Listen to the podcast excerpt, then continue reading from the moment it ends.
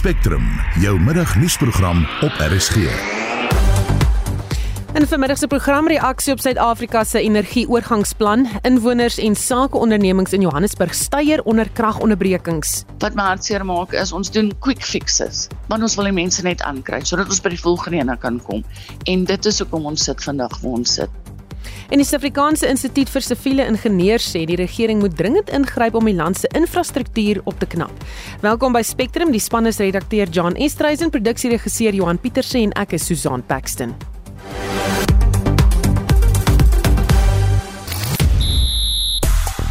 Die bokspan vir Saterdag se toets teen Italië word binnekort bekend gemaak. Lucanio Am genomineer vir wêreld rugby se speler van die jaar. Nadal en Auger Aliassime veg om oorlewing by die ATP toerfinale en die sokker wêreldbeker toernooi begin oor 5 dae. Ek is Shaun Jooste en is later terug met meer inligting. Die hitsmerk Mozambique is reeds byna 5000 keer gedeel en dit is nadat Mosambik amptelik begin het met sy eerste uitvoere van vloeibare aardgas na Europa en dit word in die noorde van die land vervaardig onder 'n langtermynkontrak met die Britse oliereus BP. En die hitsmerk president Xi Jinping is al byna 26000 keer gedeel en dit gaan oor die vergadering wat die presidente van China en die VSA met mekaar gehad het. Ek is later terug met nog sosiale media nuus. En ons praat oor 'n wêrelddiabetesdag wat gister herdenk is. 'n Kenner waarsku dat 'n oormaat suiker alleen nie noodwendig diabetes veroorsaak nie. En uh, is dit iets waarvoor jy bang is of pla die moontlikheid dat jy dit kan kry jou nie? Indien jy diabetes is, wat doen jy om die siekte te bestuur en 'n gesonde leefstyl te handhaaf? Vertel sommer of dit moeilik of maklik is. Stuur 'n SMS na 45889 teen R1.50 per boodskap of praat saam op die Monitor en Spectrum Facebookblad. Presies 8 minute oor 12 jy luister na Spectrum en Suid-Afrikaners het tussen Januarie en September vanjaar 1950 ure van beurtkrag ervaar. Dit is gelykstaande aan 81 dae en dit kos die ekonomie miljarde rand. Die inligting is onlangs bekend gestel in die Wetenskap en Nywerheidsnavorsingsraad se jaarlikse verslag oor beurtkrag. Marlene Forsie het meer besonderhede. Monique Leroux is 'n senior navorser by die WNR se Energie Sentrum. Sy sê hulle kry die relevante inligting direk van Eskom af.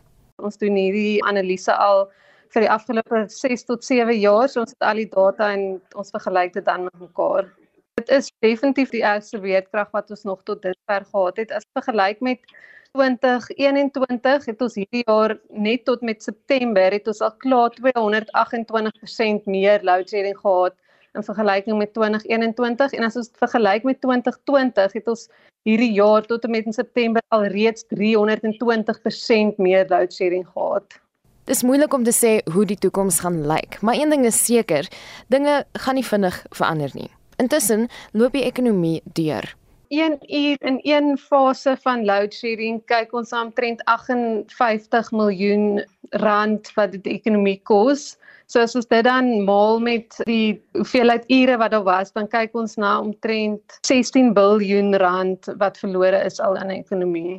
Leroux sê die inligting wat hulle hieroor bekendstel is belangrik vir elke Suid-Afrikaner omdat dit 'n aanduiding is van die impak op werkloosheidssyfers en die voortbestaan van sakeondernemings. As mense die getalle voor jy sien dat ons al hierdie jaar vir 27% van die tyd load shedding gehad het, dat ons al in totaal 87% van die dae van die jaar het ons load shedding gehad dan maak dit 'n groot verskil om te weet dat dit is die impak wat dit op elke liewe persoon in hierdie land het en dat ons saam druk moet sit op die mense wat die druk moet kry om verandering te bring om nuwe kapasiteit op die netwerk te bring om die regte skills in Eskom te kry om die management van Eskom te ondersteun om die werk te doen wat hulle moet doen want hierdie is belangrik vir elke liewe faset in Suid-Afrika. Dit was Monique Leroux, 'n senior navorser by die WNR se Energie Sentrum, ek's Marlene Forsie vir SAK nuus.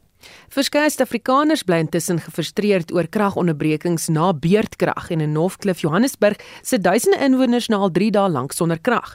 'n Wijkraadslid, Nicole Jonker, het aan Marlenae Forsie gesê dit is 'n groot frustrasie, sê dit Sondag is 900 kragonderbrekings in 12 wyke aangemeld.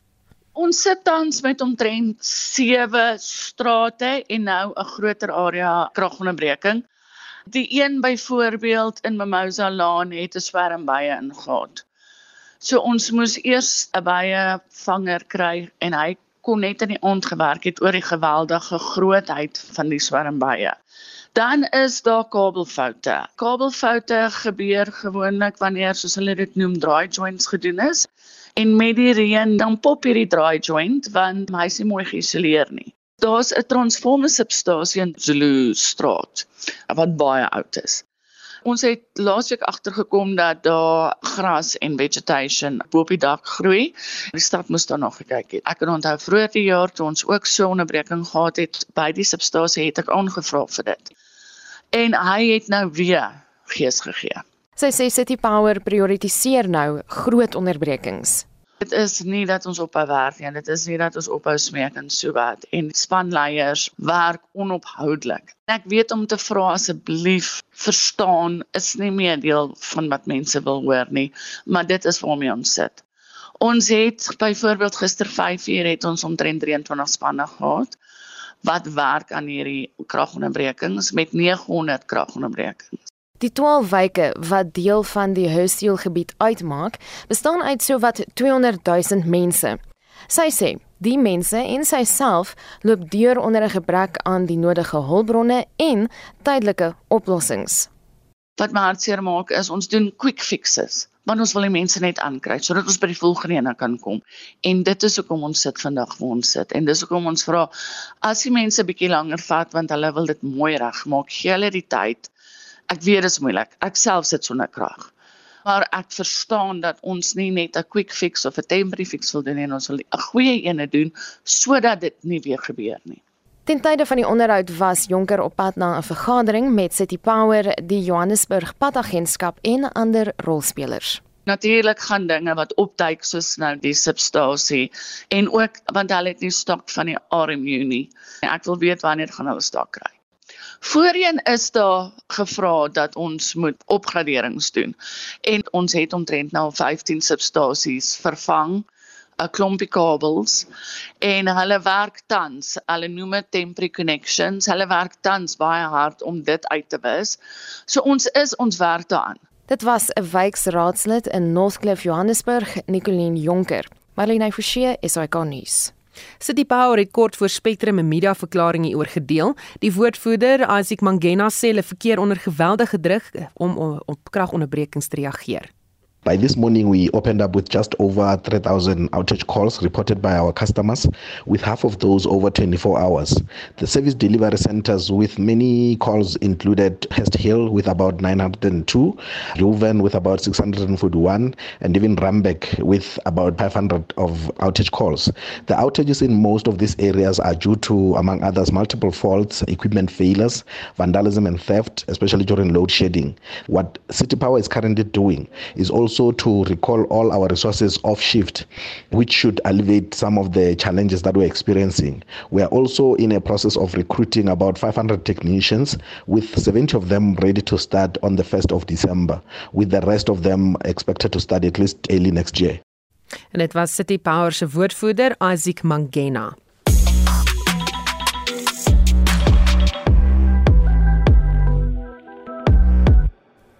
Die klimaatsveranderingsberaad of COP27 is steeds aan die gang in Sharm el-Sheikh in Egipte. Vroeger vandag was daar 'n grootskaalse betoging teen gasontginning op die Afrika-kontinent. Die hele beraad se fokus het nou begin draai om energie en 'n gebalanseerde oorgang na hernubare energiebronne. Volgens 'n studie deur die Zero Carbon Analytics groep moet die helfte van die wêreld se gasvoorrade ongebruik bly vir die wêreldtemperatuur om nie met 2 grade Celsius te styg nie. Wat glo aanduiding is dat gas nie die antwoord is op klimaatsverandering nie. Catherine Robertse van die Global Strategic Communications Council is by die beraad en het vir ons die klank gestuur van die protes teen gasontginning. Gas will not bring prosperity and opportunities to Africans. This is a claim promoted by multinational fossil fuel firms and the elite politicians who stand to make money from gas. Fossil fuels are the energy of the past. Investing in gas in Africa will burden African governments and citizens with vast debts, stranded assets, environmental degradation, and more broken promises. This is not what we want. Don't gas Africa. Don't gas Africa. Don't gas Africa. Don't gas Africa. Don't gas Africa. van die gebeure daar by COP27 in Egipte. Ons praat nou ook verder met die direkteur van die Global Change Institute en professor in klimatologie aan die Universiteit van die Witwatersrand, François Engelbrecht. Goeiemôre François. Sê dan. Nou Suid-Afrika het die afgelope naweek sy JET-plan, die Just Energy Transition Plan aan die beraad voorgelê en almal was baie beïndruk. Hoe voel jy oor die verslag? Ja, Susan, hier plan is 'n baie positiewe ontwikkeling. Dit is nou die plan wat beleggings moet lok na Suid-Afrika sodat ons nou ook ons weg kan vind na onafhanklikheid van steenkool sodat ons 'n nuwe hernubare energie sektor in die land kan. So die plan is um, baie ambisieus. Dit teken drie sektore. Die eerste een is natuurlik die energie sektor self, so om 'n groot wind- en sonne-energie sektor in Suid-Afrika te vestig en die steenkoolafhanklikheid uit te werk oor die periode van die volg oor die volgende 20 tot 30 jaar. Dit gaan dan oor om 'n elektriese vervoerstelsel in Suid-Afrika gevestig te kry. En die derde groot fokuspunt is 'n groen waterstof um, industrie in Suid-Afrika. So 'n belangrike ander aspek van hierdie plan is dat dit baie sterk fokus op wat bekend staan as klimaatsregverdigheid. President Ramaphosa het dit van die begin af gesê van 'n jaar gelede dat die armstes van die armes in Suid-Afrika nie agtergelaat moet word gedurende hierdie oorgangsproses nie. So die plan maak dan ook baie spesifiek voorsiening om om te sien na spesifiek ons steenkool mynwerkers en die gemeenskappe wat so afhanklik is van werk in die steenkoolmyne. En ek sê dan die die laaste aspek wat hierdie plan werklik kenmerk is die ongelooflike sterk internasionale ondersteuning vir die plan. Dit kom van 'n groep wat hulle self nou noem die internasionale vennote groep. En dit is die Verenigde Koninkryk, Frankryk, Duitsland, die VSA en die Europese Unie. En hierdie is natuurlik 'n ongelooflike sterk ekonomiese magsblok en hulle onderskryf hierdie plan en hulle maak 'n aanvanklike investering in Suid-Afrika om die plan gelanseer te kry van 8.5 miljard Amerikaanse dollar. Nou, sowel president Biden as president Macron van Frankryk en die kanselier van Duitsland, hulle het al oor die afgelope paar dae amptelik hulle ondersteuning vir hierdie plan uitgeskryf. Ehm um, ehm um, op op skrif geskryf. Ja. So wat 'n vordering is gemaak sedert die aankondiging van die belegging 'n jaar gelede by COP26? So jaar gelede is 'n politieke stemming gemaak dat hierdie hierdie belegging van 8.5 miljard dollar in Suid-Afrika se oorgang ehm um, geaktiveer word. Oor die afgelope jaar het ons in die gemeenskap almal dit uh, baie vinnig gemonitor en ons het gehoop om meer detail te begin sien van die plan. En dit het nou uiteindelik begin manifesteer by hierdie 27ste konferensie van die partye. En baie spesifiek is dit nou bekend dat 2.6 van hierdie 8.5 miljard Amerikaanse dollar gekanaliseer word spesifiek na Mpumalanga toe. Om van die koolstof ehm um, kragsentrale gedeaktiveer te kry en hulle geleidelik vervang te kry met hernubare vorme van energie. So spesifiek drie kragsentrale in Mpumalanga wat eerstens geteken gaan word en die Wêreldbank voeg dan addisionele fondse by om 'n vierde en uh, stelsel kragsentrale uitgefaseer te kry. So dit dit begin nou lyk na 'n baie spesifieke plan. En ander aspekte wat begin duidelik raak is werk wat in munisipaliteite gedoen gaan word en al reeds gedoen word om planne uit te werk vir ons munisipaliteite waar daar die grootste afhanklikheid is in terme van werk in die steenkoolmyne. So hoe gaan alternatiewe werk geskep word vir hierdie Suid-Afrikaners? Hmm. En dan laastens is daar baie spesifieke planne nou op die tafel om van hierdie belegging te gebruik om Suid-Afrika se energie-infrastruktuur meer geskik te kry om hernubare energie in die sogenaamde energiegrid op te neem. So die planne begin nou baie meer konkreet lyk as 'n jaar gelede en ek dink ons het rede om optimisties te wees. Mm. En hierdie plan, uh, hoe gaan dit die lewens van Suid-Afrikaners verander? As ons hierdie plan kan uitvoer, dan gaan dit ons almal se lewens verander. Ek van net in Suid-Afrika 20 jaar van nou waar ons nie meer hierdie ongelooflike skadelike besoedeling van die steenkoolkragsentrale het op die Mpumalanga en Gauteng Hoëveld nie. En dink aan 'n toekomstige Suid-Afrika waar ons ook uiteindelik die regeringsbeleid het en die infrastruktuur het om van elektriese vervoer gebruik te maak. En dink maar net aan die beleggings wat nou in die ekonomie kan volg. As Suid-Afrika hier toetslaag, as ons vir die wêreld kan wys dat ons kan vordering maak met die hulp van hierdie aanvanklike belegging, beteken dit ons gaan nog meer beleggings kry. Hierdie is ons groot kans om die Suid-Afrikaanse ekonomie te moderniseer. So ek dink uiteindelik kan ons almal ons lewens kan uiteindelik effektief geraak word deur hierdie energie oorgang. Wat ontbreek uit hierdie plan? Die enige ding wat ek weer gestel het, is dat geen geen van hierdie befondsing is geoormerk om ons mees veerlose gemeenskappe te help as dit kom by die impak van klimaatsverandering. Ons het nou gesien in Durban byvoorbeeld, meer as 540 Suid-Afrikaners het hulle lewens verloor. Ons is so kwesbaar as dit kom by groot vloedgebeurtenisse. Ons is so kwesbaar as dit kom by langdurige droogtes. 'n Deel van die regverdige oorgang na 'n uh, toekomstige energie en ekonomie ekonomiese stelsel gaan ook daaroor om mense te beskerm teen die toenemende impakte van klimaatsverandering. So ek ek kan maar net hoop dat die regering ander planne het. Dat dit byvoorbeeld eh uh, 'n plan het om die sogenaamde klimaataanpassingsfondse wat ook beskikbaar is onder die prysinkomste oor klimaatsverandering aan die vloei te kry. Nou, ons weet dan ons meer weerwese gemeenskap as dit kom by die impakte van klimaatsverandering. Maar dit is nog tans 'n verskillende geleentheid om nie momentum op te bou um, in hierdie in die aspek met behulp van die aanvanklike beleggings. Baie dankie. Dit was die direkteur van die Global Change Institute en professor in klimatologie en aan die Universiteit van die Witwatersrand, eh, François Engelbrecht. Terwyl die klimaatsberaad in Egipte aan die gang is, het die CITES omgewingsberaad in Panama begin. Die fokus is weer op bedreigde spesies, veral olifante en op watter bylaag van die bedreigde spesieslys hulle geplaas moet word. Die internasionale dierehulporganisasie FOPOS woon ook die beraad by.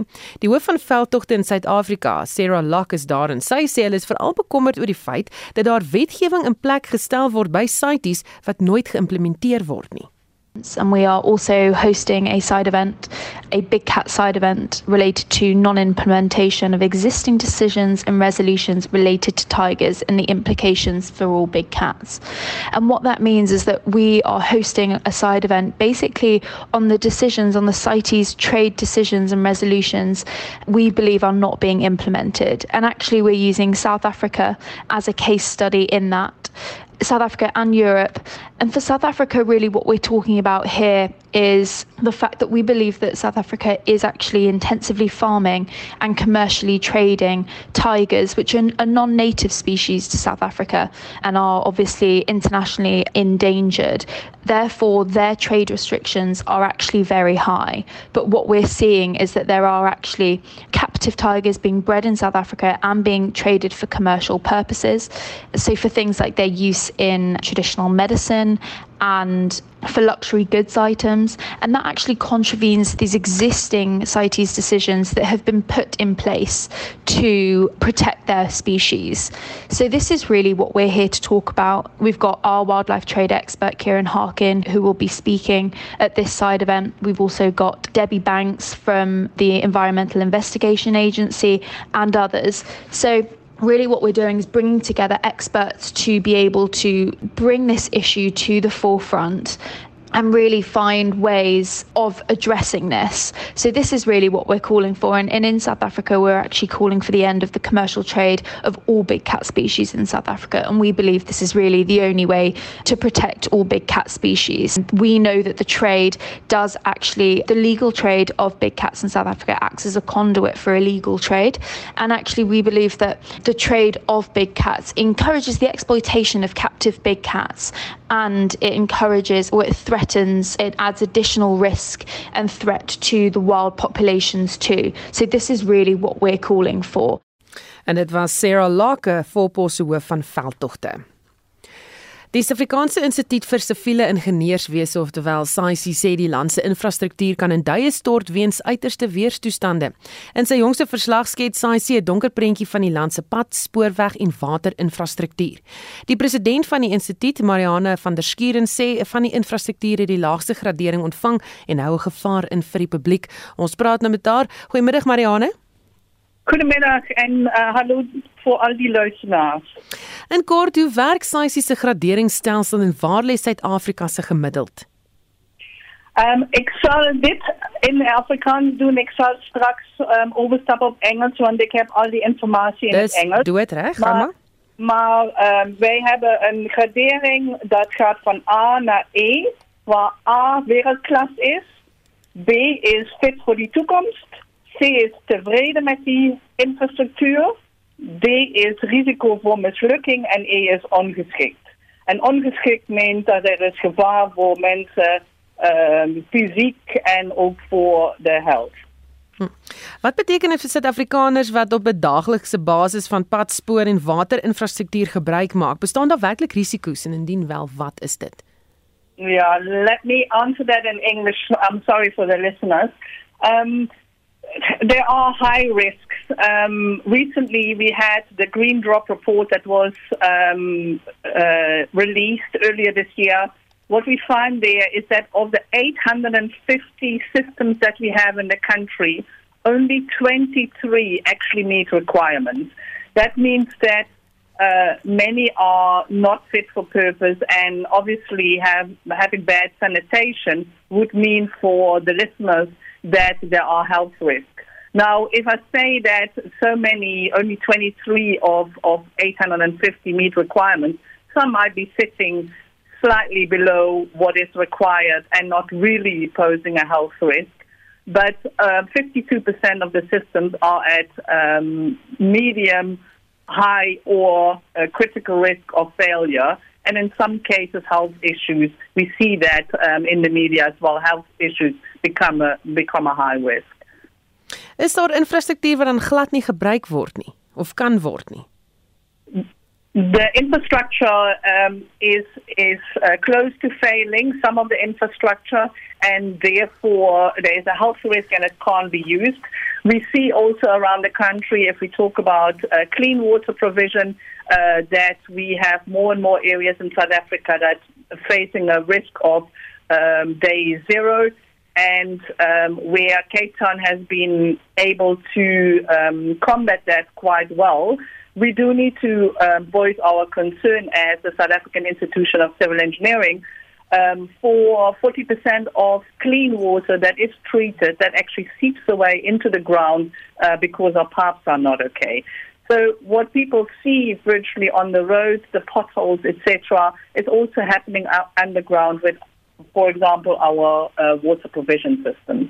So wat is die probleem? Is dit bloot dat die regering net nie verstaan dat infrastruktuur behoorlik in stand gehou moet word nie? That is presies het probleem. Maintenance is not happening. Um, we uh, are not spending enough in the metros. Uh, we see that uh, many of the metros are spending less than half of the budget that they should be um, spending um, when we look at the requirements that Treasury sets in other urban areas and rural areas it's even worse. At the moment, we are reactive. Uh, we're not proactive with regards to uh, maintenance.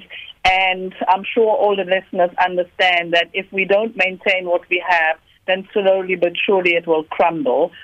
With um, an increasing population, today is the day that we have globally met 8 billion people around the world. Uh, the last billion was only added in the last 11 years. So population is growing fast and it's growing faster in Africa and South Africa. Um, with the growing population, the risk of not being able to meet the demand of future generations is incredibly high, and that is heartbreaking. Baie dankie. Ons gepraat met Marianne van der Skuren, die president van die Suid-Afrikaanse Instituut vir Siviele Ingenieurs. Politieke nuus: Die ANC sal na verwagting vandag die finale benoemingslys vir presidentskapkandidaate bekend maak. Die provinsiale takke het tot die 7de November gehad om hulle nominasies in te dien en ons praat nou met die politieke ontleder Dr. Oscar van Heerden. Goeiemôre Oscar. Goeiemôre Susan, goeiemôre aan die luisteraars. Wat is die verwagtinge of jou verwagtinge van die lys? Wel, kyk, ek dink die drie die drie name wat prominent is in terme van president vir die ANC is Cyril Ramaphosa, Mkhizi en natuurlik uh, Nkosazana uh, Dlamini Zuma. So dis die drie name wat in die ronde gaan. Ehm uh, maar ek dink tog eh uh, baie mense soort sê al reeds dat hulle dink Ramaphosa gaan die wenner wees aan die einde van die dag en so die regte uh, debat is regtig wie gaan die visie uh uh president wees. Dit is eintlik die groot vraag. Ehm um, en ek dink uh, op hierdie stadium lyk dit asof dit moontlik ehm um, Paul Mashatile gaan wees. Ehm um, met interne van die nommer en en die mense wat hom uh, ondersteun en so voort. Maar uh, jy moet onthou dat die stelsel wat die uh, voormalige president Kgalema Motlanthe ingebring het, sê tog dat daar uh, in die, in die, in die verlede was daar twee verkiesings. Die een was vir die top 6 en dan is daar 'n soort van 'n dag wat ons 'n breek vat en dan later uh, die tweede dag is dit die res van die NK, uh, die uitvoerende komitee. Nou word daar gesê dat daar uh, moontlik 3 verkiesings moet wees. Uh, ons kies die president en nie die, die top 6 nie, net die president. En en die rede vir dit ek dink die argument is dat indien 'n persoon soos Mkhize nou verloor dan is daar nog steeds 'n moontlikheid met die tweede verkiesing vir die res van die van die top 5 uh, om te sê moet hy moet moet mense nie vir hom noodwendig die mm. vice-president maak nie sodat dit jy weet dit is 'n dit is 'n stelsel wat probeer sê hierdie faksies en en aanhoudende bekleierery moet tot op 'n einde kom uh, waar ons probeer om kandidate te akkommodeer ek's nie heeltemal seker of die konferensie gaan saamstem met dit nie um, want soos ek uh, al voorheen geskryf het, dit lyk vir my die ANC is beheer met hierdie faksies en die faksionele politiek. Hmm. Nou daar is provinsies wat nie betyds hulle leierskapskonferensies kon hou nie soos die Vrystaat en die Wes-Kaap. Wat is aan die gang in die ANC in die Vrystaat en die Wes-Kaap? Wel, dat dat oor dat alle tipe van redes hoekom hulle nou nie 'n konferensies kon hou nie. Uh, een van dit is daar 'n tekort aan geld. Ehm um, soos jy weet, konferensies kos geld um, jy moet mense saam kan trek en hulle uh, noodwendig kos gee en so voort. Ehm um, en ek dink dit is een van die groot probleme, maar ook die feit dat uh, baie van die takke was ook uh, nie uh, uh, jy weet hulle hulle probleme gehad in terme van ehm um, daar was eintlik geen takke wat uh, regtig ge, gewerk het in die Weskaap en in in die Vrystaat. Maar nou het hulle hulle het nog nie die, die provinsiale konferensies gehou nie, maar daar het verskeie takke wat hulle self reggetrek het, reggeruk het, uh, gegee word die feit dat daar nou nasionale konferensie is en so soos jy self weet, uh, Susan, ehm um, die takke is die basiese eenheid van die ANC. So alhoewel daar nou nie 'n provinsiale konferensie gehou was nie, daardie takke wat tog hulle vergaderings gehou het en en en die, die kandidate en die lysbesprekings gehou het en die dokumente, die beleidsdokumente en so voort. Hulle gaan na die konferensie toe as 'n pak.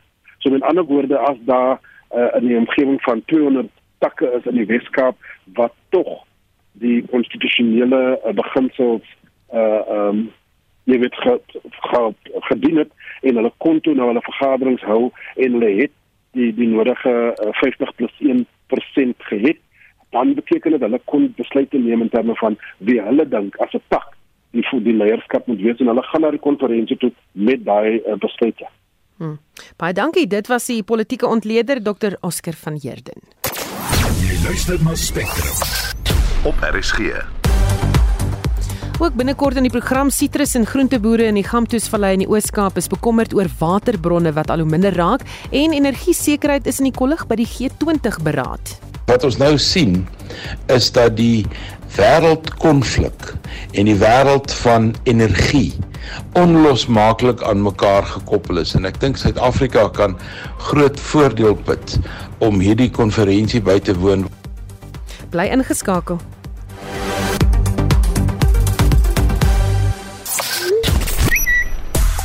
En op so, en op sosiale media in Suid-Afrika is hitsmerke wat besig is om gewild te raak. Alle hitse wat te doen het met Black Friday wat vanjaar op Vrydag 25 November is en dan weet ons talle winkels bied winskoopies aan verbruikers, maar in daardie selfde asem maan ekonome ook altyd dat verbruikers versigtig moet koop in die huidige ekonomiese klimaat. Hm, die skuld is nie die moeite werd nie.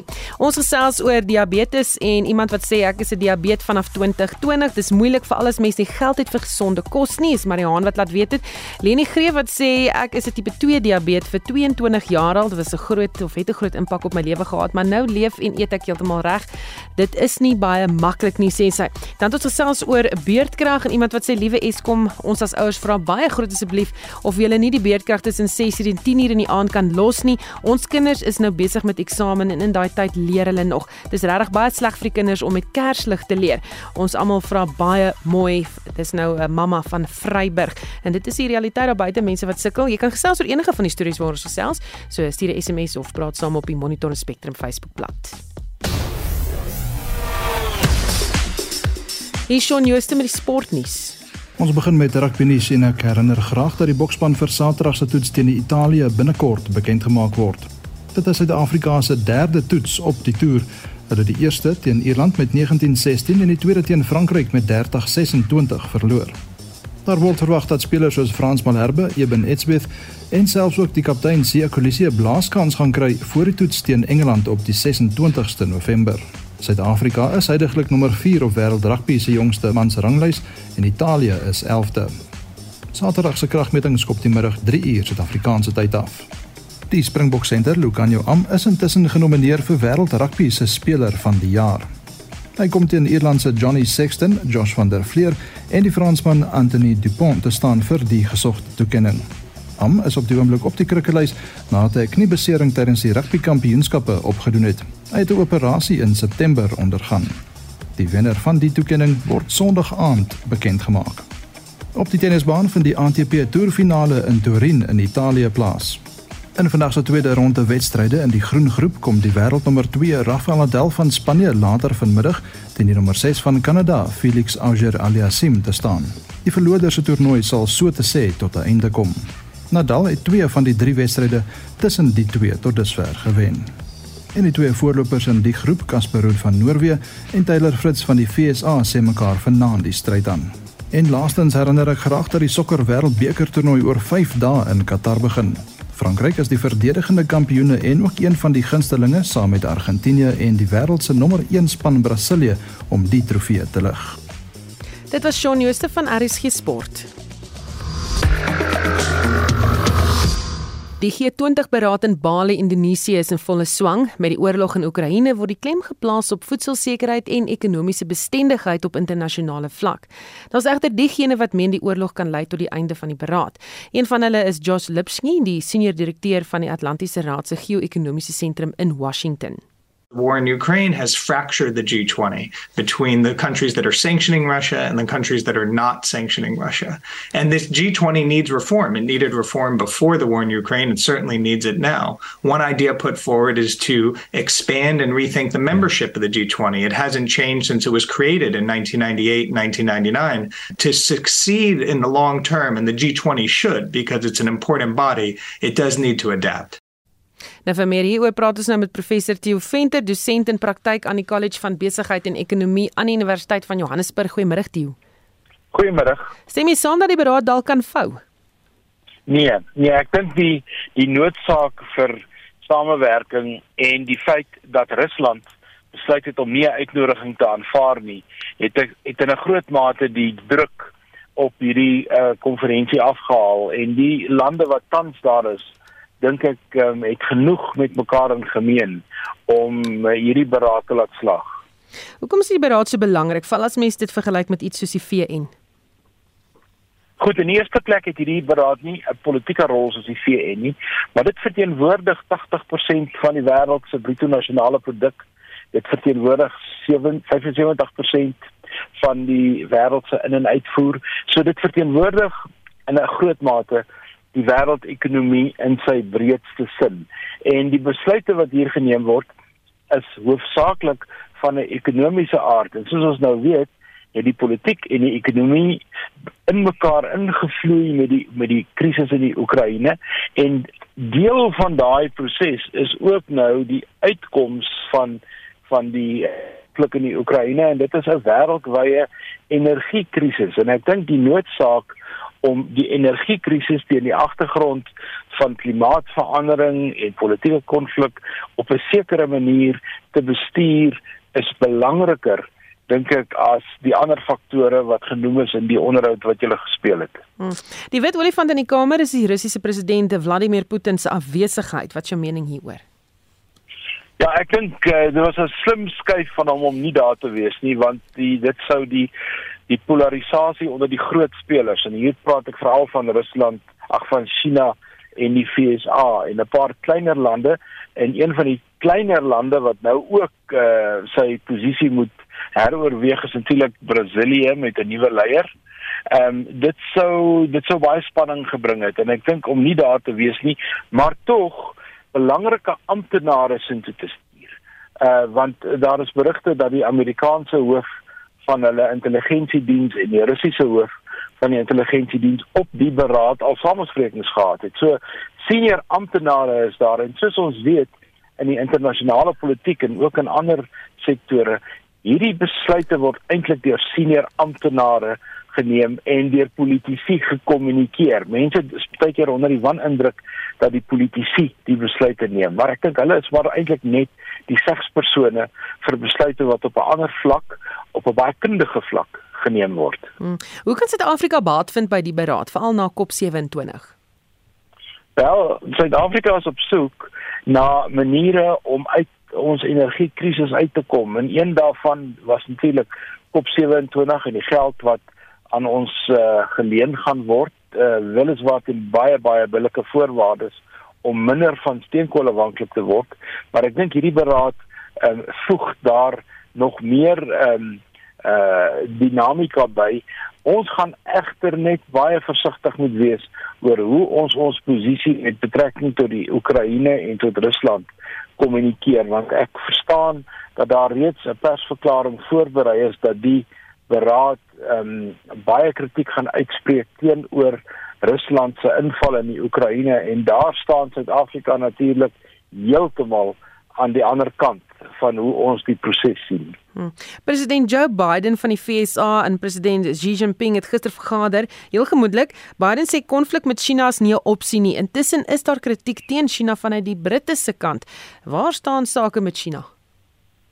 Dit gaan oor Taiwan. Dit gaan oor die ehm um, die die eis van van China dat Taiwan eintlik maar net 'n wegbreek gedeelte van China is. Ek sien in Engelse onderhoude begin die Chinese amptenare al hoe meer van 'n separatiste beweging in Taiwan praat. So die taal ehm um, ehm um, uh, demonstreer al reeds 'n soort van 'n konflik wat daar ingebou is. En die groot vrees is dat nadat Rusland die Oekraïne ingeval het, sou China die omstandighede wat die wêreld so klein bietjie de mekaar gekrap het, gebruik om ook groter druk op Taiwan te plaas. Hulle het dit nie gedoen nie, want ek dink die Chinese se grootste belang is by 'n stabiele wêreldhandelsomgewing en nie noodwendig uh, Taiwan wat vir hulle 'n groot doring in die vlees is nie. Baie dankie. Dit was professor Theo Venter, 'n dosent in praktyk aan die College van Besigheid en Ekonomie aan die Universiteit van Johannesburg. Terwyl reën in die sentrale dele van die land uitgesak en selfs oorstromings veroorsaak het, het min tot geen reën geval in die droogte getuisterde Nelson Mandela Bay Metro se westelike opvangsgebied nie. Boere wat afhanklik is van waterbronne in die gebied is nog onderhewig aan streng waterbeperkings. Ons praat nou met die uitvoerende hoof van die Gamtoos Besproeiingsraad, Renet Kuleski. Uh, Goeiemôre Renet. Hallo Susan. Desember en Januarie is die warmste maande en sitrus word in die gebiede aangeplant. Watter impak het hierdie waterbeperkings op boerdery? Weet jy dit het 'n enorme impak. Ehm um, die toekenning wat die landbouverbruiker het is 20% ehm um, uit Kouga dam op hierdie stadium en uh, natuurlik met die warm maande wat voor lê en die feit dat ons eintlik maar beperk is tot daai 20% en die bietjie grondwater wat ons ook tot ons beskikking het, dit het regtig 'n baie groot impak. Ehm um, en dit het gaan waarskynlik 'n impak op die oes ook hê vir volgende jaar. Dit is die sewende jaar wat droogte in die gebied heers en grondwater het grootliks tot boere se redding gekom, maar die bron raak ook nou uitgeput. Ja, weet jy, dit was ehm um, as jy nou op 'n punt kom wat jy besef, goed, uh, jy gaan nou nie meer uit die dam die kwota kry wat jou oes te kan deurbring nie, dan sit jy op 'n situasie uh, of in 'n situasie waar jy 'n plan moet maak. En op daai stadium, dit was so 2 jaar terug, het was daar ernstige grondwater ontginning wat gebeur het en um, dit het boere grootliks uitgehelp. Maar ons vind nou dat dat daai bronne of ons hoor maar dat daai bronne ook besig is om ehm um, dit was destyds van 'n swak kwaliteit baie van hulle dat daai kwaliteit nog erger verswak en dat van daai boorgate ook nie meer funksioneel is nie. So nou wat nou? Ja, dit is 'n baie moeilike vraag. Weet jy, ehm um, daar ons het eintlik nie ander opsies nie. Ehm um, ons ons opsie was maar nog altyd of landbou in die Gamtoesvallei is ondersteun deur water uit die Kougadam en toekennings uit die Kougadam. So ons ons sit eintlik in 'n baie slegte situasie. Ons ons hoop vir reën. Ehm um, jy jy kom amper op 'n punt wat jy desperaat is want daar is geen ander alternatiewe nie. Baie dankie ons gepraat met die uitvoerende hoof van die Gamtoos Besproeiingsraad, Reinet Koleski. Vir ons sake nie, praat ons nou met Renier van Sail en hy se portefeuljebestuurder by Efficient Private Lines. Goeiemiddag Renier. Goeiemiddag Susan en goeiemôre aan almal wat in luister. As ons wegspring met die plaaslike mark, sien ons dat die uh, alle aandele indeks basies onveranderd van vanoggend se vlakke.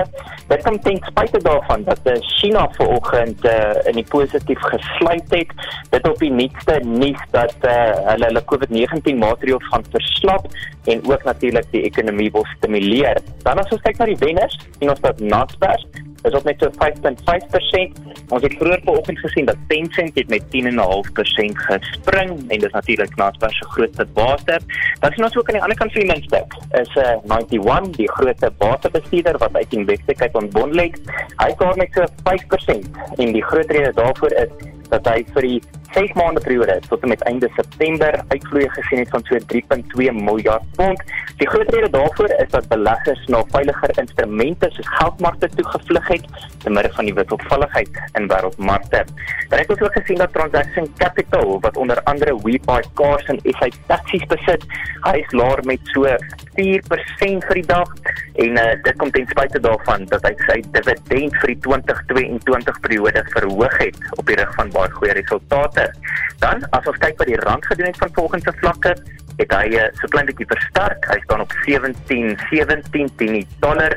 Ons kyk na die prys van goud, hy staan op 1776 dollars per fyn ons. En laastens kyk ons na die prys van Brent olie wat so klein bietjie laer staan op 92 dollars per vatjie Brent. En dit kan nie sake nie vir vandag. Julle moet 'n baie lekker dag hê. Baie dankie. Dit was Renier van Self van Efficient Private Clients. Wêrelddiabetesdag is gister herdenk, maar die fokus val dikwels net op mense. Dit terwyl een uit elke 500 honde en een uit elke 200 katte met diabetes gediagnoseer word. Ons praat nou met dokter Gerhardus Skeepers se veearts van die Zodiac Dierekliniek in Brits. Uh, Goeiemôre Gerhardus. Goeiemôre Susan, gaan dit goed aan jou kant? Dit gaan goed, maar hierdie is eintlik skokkend. Hoe ontwikkel diere diabetes? Ja, as ons na die breë prentjie kyk, dit is 'n ding wat ons nogal redelik algemeen in die praktyk sien en um, mense besef dit nie altyd nie. Dit is maar net soos dit by mense werk. Die mees algemene vorm van diabetes wat ons sien, noem ons natuurlik diabetes mellitus.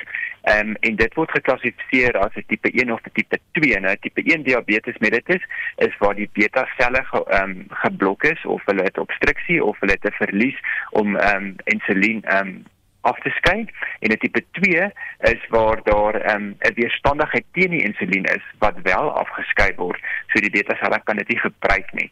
Hmm. En um, dit is gewoonlik die twee tipes wat ons sien, maar as ons na die dier moet kyk, hoe sien ek nou my diere diabetes of sogenaamde suikersiekte of so iets van die aard? Die mees algemeenste kenmerke is natuurlik ons noem dit polyuria polydipsia wat beteken hulle drink skielik meer water en hulle urineer skielik meer.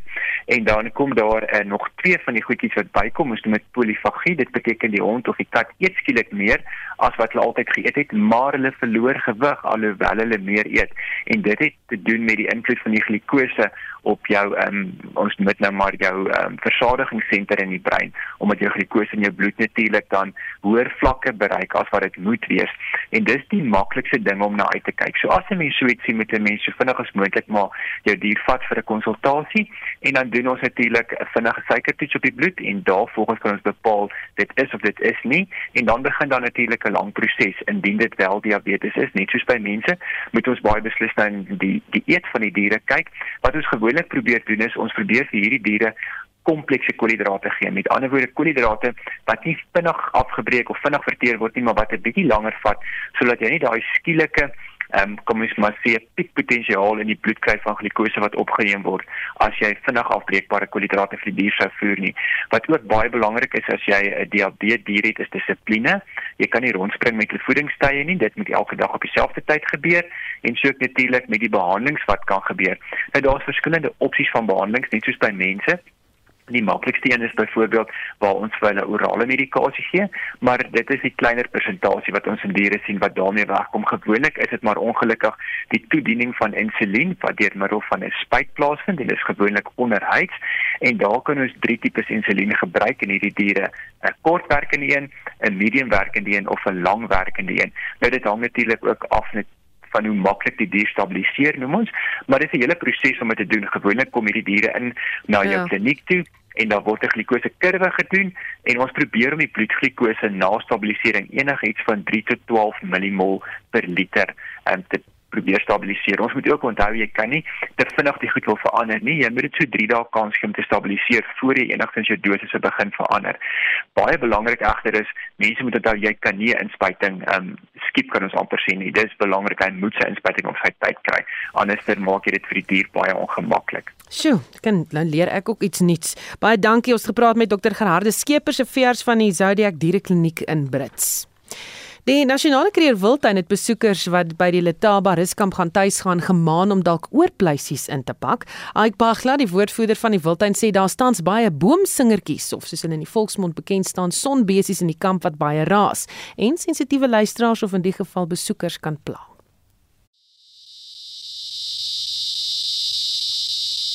Kruger National Park's Letaba Rest Camp is currently buzzing with uh, cicada species, and visitors are hereby informed of their noise, which can be amplified by multitudes of insects into an overpowering hum.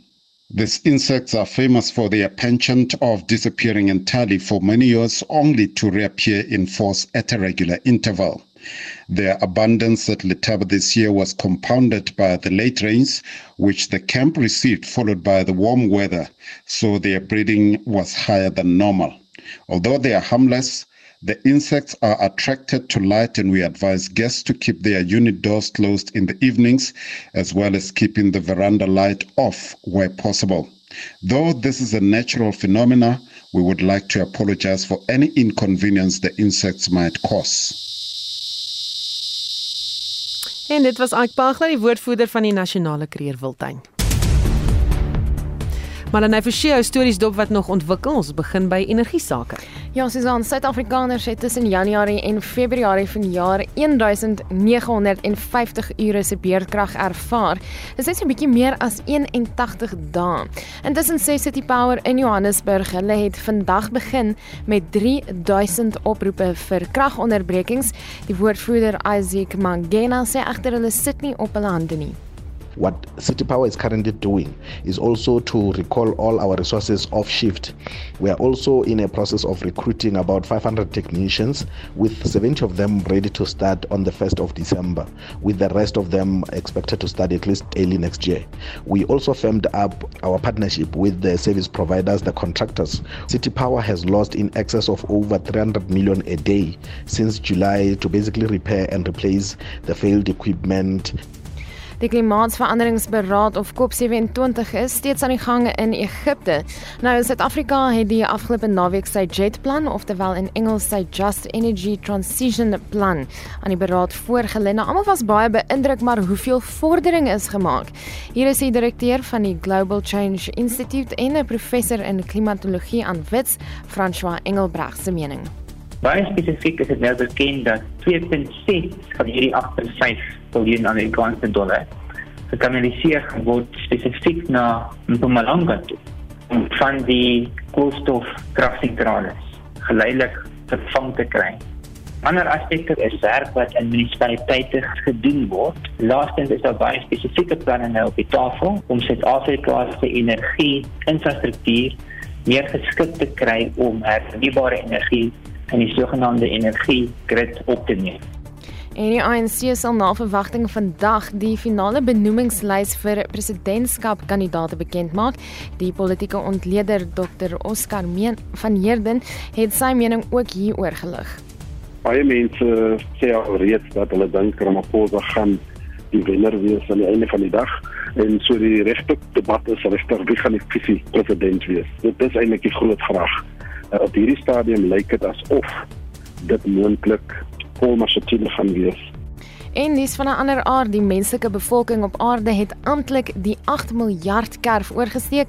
Professor Eugene Kloete, die voormalige visierektor vir navorsing, innovasie en nagraadse studies aan die Universiteit Stellenbosch, praat vanmiddag hieroor op Brandpunt. Toe ek gebore is in 1958, was daar 2.8 miljard mense op die aarde. Ons is nou 8 miljard, dis 'n toename van 5.2 miljard oor die afgelope 64 jaar.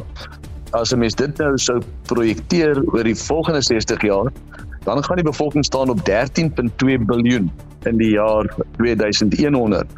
Maar hy meen dit is nie noodwendig iets waar ons hoef bekommerd te wees nie. Skakel in tussen kwart voor 6 en 6 uur en hoor hoekom nie. En dit was Madeleine Forsie. En soos kollega Jody Hendrik sê Marlenae, jy is baie spesiaal. Van vandag af is jy een uit 8 miljoen mense. daarmee groet Spectrum vir vanmiddag. Ons groet namens ons uitvoerder gesien Nicoline de Weer, die redakteur John Estreys en die produksieregisseur is Johan Pieterse. Ek is Susan Paxton onthou 360 net hierna.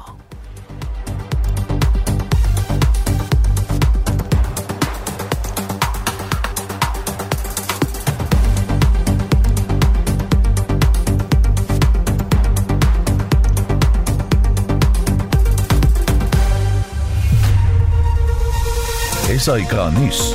Onafhanklik, onpartydig.